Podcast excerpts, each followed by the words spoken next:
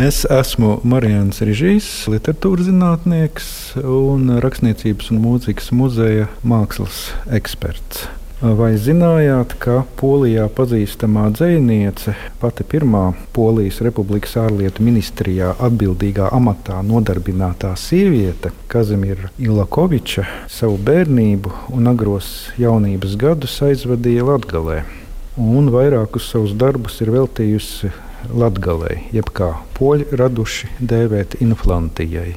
Nākamā dziniece nāca pasaulē 1892. gada 6. augustā Viļņā un bija advokāta Klemence Zana un Barbaras Ilakovičas ārlaulības bērns. Abi vecāki gan mira neilgi pēc Kazimieras piedzimšanas. Pēc tēva nāves Kazimieru pieņēma savā ģimenē mātes Barbaras brālis, Krievijas armijas virsnieks Jakobs Ilakovičs un viņa dzīvesbiedra Jevģēnija, kuri dzīvoja Daugaupilī. Sakarā ar patēva lielo aizņemtību dienestā un arī pamātes slimošanu turpmāk Kazimieru audzināja grāfiene Sofija Buino no Plāteru Zībergu dzimtas, kura dzīvoja Baltiņu mūžā, skaistas pagastā. Vēlāk Kazimira dzīvoja arī Staņislavovas mūžā, arī turpat skaistas pagastā un mācījās Daugopils gimnājā.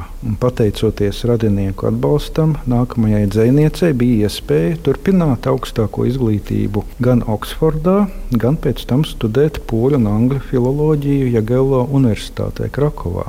Tur Ilakoviča iepazinās ar nākamo karavadoni, Polijas armijas dibinātāju un Polijas valsts vadītāju Juzefu Pilsudski. Un Pirmajā pasaules karā Kazimira bija Krievijas armijas sanitāra austrumu frontē un par drošsirdību tika apbalvota ar Svētā Georgija krustu. Vēlāk, jau Polijas valsts neatkarības gados, viņa strādāja Polijas ārlietu ministrijā un vēlāk bija Juzefa Pilsudska personīgā sekretāre.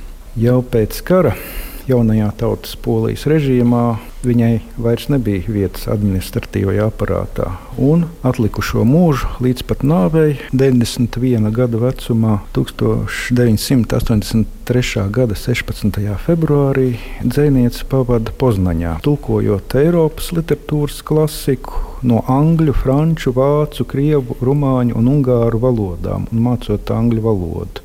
Kā viņa pati mēdza atcerēties, ka viņas ģimenē esot bijusi leģenda, ka viens no viņas vectētiņiem esot iemācījies vienu valodu par daudz un tādēļ sajūtas prātā. Bet, paldies Dievam, pašai dzēniecei tas nedraudēja. Bet nevelti literatūras vēsturnieks Jaroslavs Macejevskis pie dzīsnieces kapa bērēs teica zīmīgus vārdus: ir mirusi poļu literatūras lielā dāma. Un kas ir neparasti radošam cilvēkam, kur nu vēl dziniekam, Kazimira Ilakoviča spēja lieliski apvienot gan augstākā līmeņa valsts ierēdniecības pienākumus un radošo darbību. Garajā mūžā ir sarakstīti 21 dzīslu krājums, pasakas bērniem, prozas darbi. Viņas dzēju ir komponējuši tādi pasaules slaveni poļu tautības komponisti kā Karols Šimanovskis un Vitolds Ļutaslavskis. Un pati Ilakoviča bija viena no nozīmīgākajām polijas starpkara laika dziniecēm un Varšavas literārās dzīves personībām. Inteliģence, gribas spēks, elegance un, kā arī zināms, kaprīzums attiecībās cilvēks vienlaikus piesaistīja un atgrūda. Pašas dzinieces dzēja ir tēlaina un vienkārša, taču pateicoties bagātai ritmikai un melodikai, valdzinoša. Ceļš kritiķi īpaši atzīmē viņas spēju dzējā panākt teju vai kinematogrāfisku dinamiku. Un līdz pat mūža beigām dzēniece Latgali uzskatīja par savu dzimteni. Latgalei un bērnības atmiņām ir arī veltīts viņas 30. gadā iznākušais dzējas krājums Pelni un Pērles. Uz atvadām viens īsts dzējolis no krājuma. Vēlos beidzot būt nosaucams.